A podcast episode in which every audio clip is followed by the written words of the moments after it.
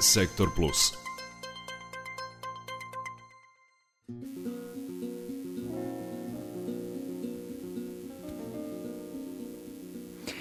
Svi roditelji bi želeli da imaju decu za primer.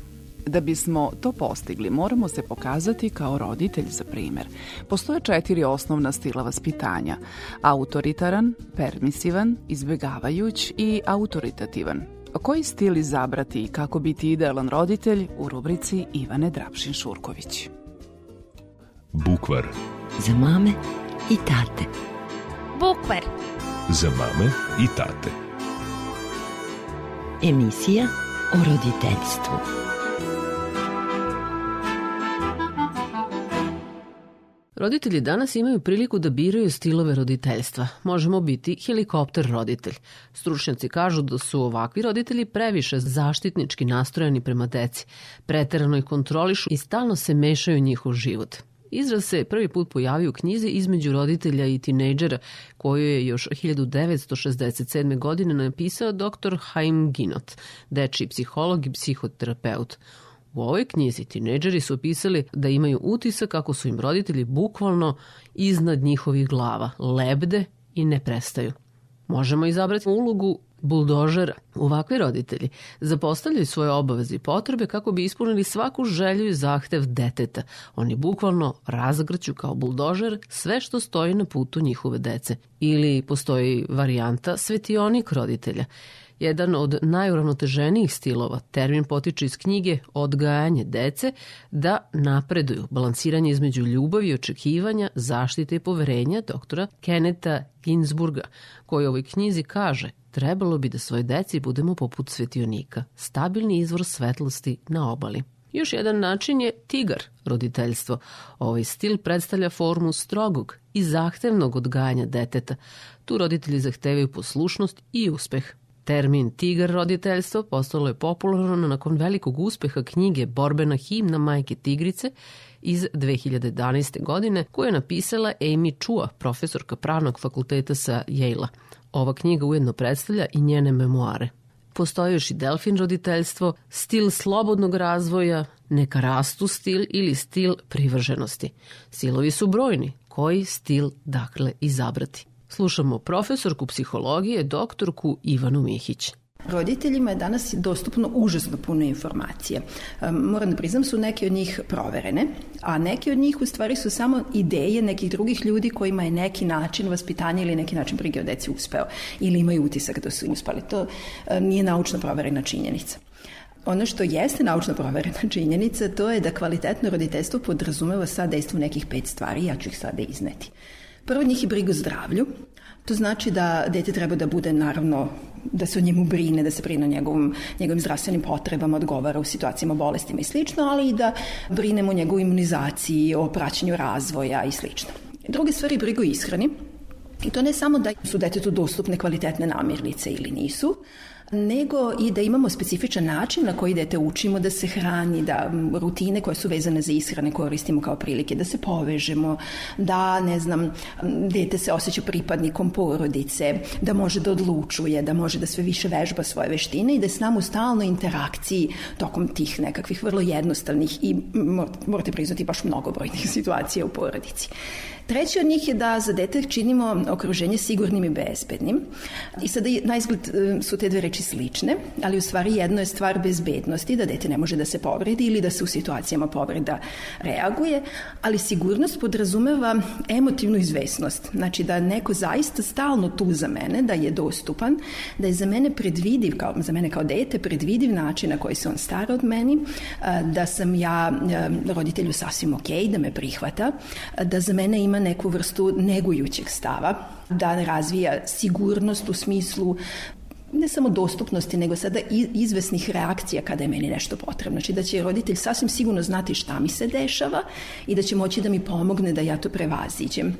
U ovoj domen brige spada i veštine roditelja da razvije one načine vaspitanja koji su nenasilni, da učimo dete disciplini pravilima, ali na način koji nije kažnjavajuć, ni na koji način.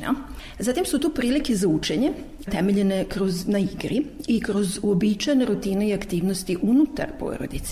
Znači, ne veština roditelja da obezbedi novac koji će detetu dati mogućnost da izađe van porodice i tamo stiče neka znanja i veštine, nego naprotiv, da roditelj koristi prilike koje ima u domu u interakciji sa svojim detetom da dete uči na sebi najprirodniji način, a to je kroz igru, eksperimentisanje, razgovor, saznavanje, zaključivanje o svetu oko sebe i o sebi samom.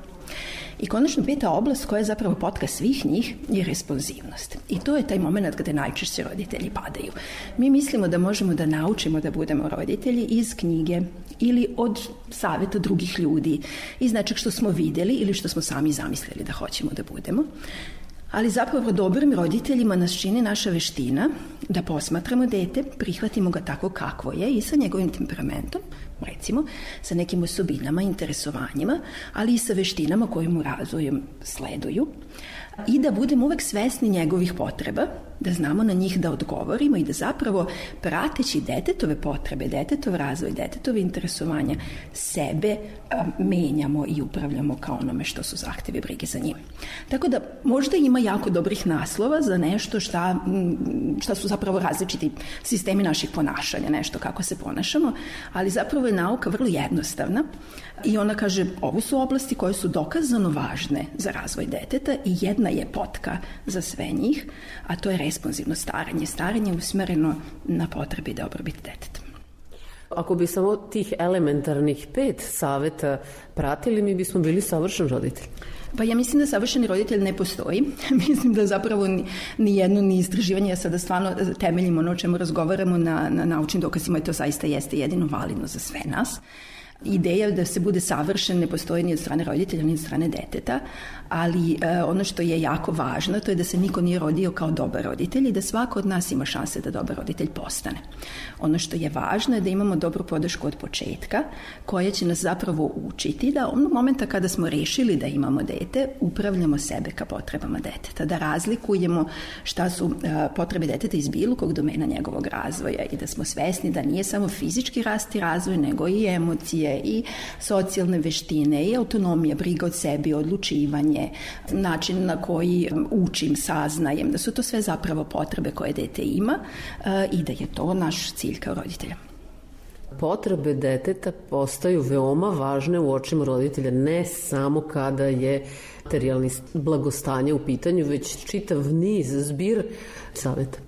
Da da, potrebe deteta su mnogostruke i velike i one postoje od kada se, e, od kada se dete začne, odnosno od kada se o detetu razmišlja, uopšte prosto moramo razmišljati o tome šta, šta sve briga o detetu, detetu podrazumeva. I zato kažem da je jako važno da imamo uz roditelje nekog ko će ih zaista voditi kroz taj proces. I to definitivno nisu neke knjige ili forumi, neki nevidljivi, nepoznati ljudi, nego su to različiti, mi kažemo pripadnici formalne mreže podrške, znači to je recimo vaša patronažna sestra, vaš pedijatar, kasnije vaš vaspitač i neformalna mreža koju čine naši prijatelji ne zato što oni imaju dobro iskustvo roditeljstva, nego zato što imaju veštinu da nas saslušaju i pokušaju da nam situaciju u kojima se nalazimo približe na drugi način, kako ih oni vide, kako ih dete možda doživljava, pa da, nam, da nas stave u situaciju da svoja ponašanja promislimo, u nekom odnosu u kom se osjećamo dobro, da se ne osjećamo loše što smo nešto možda pogrešili ili što nešto ne znamo.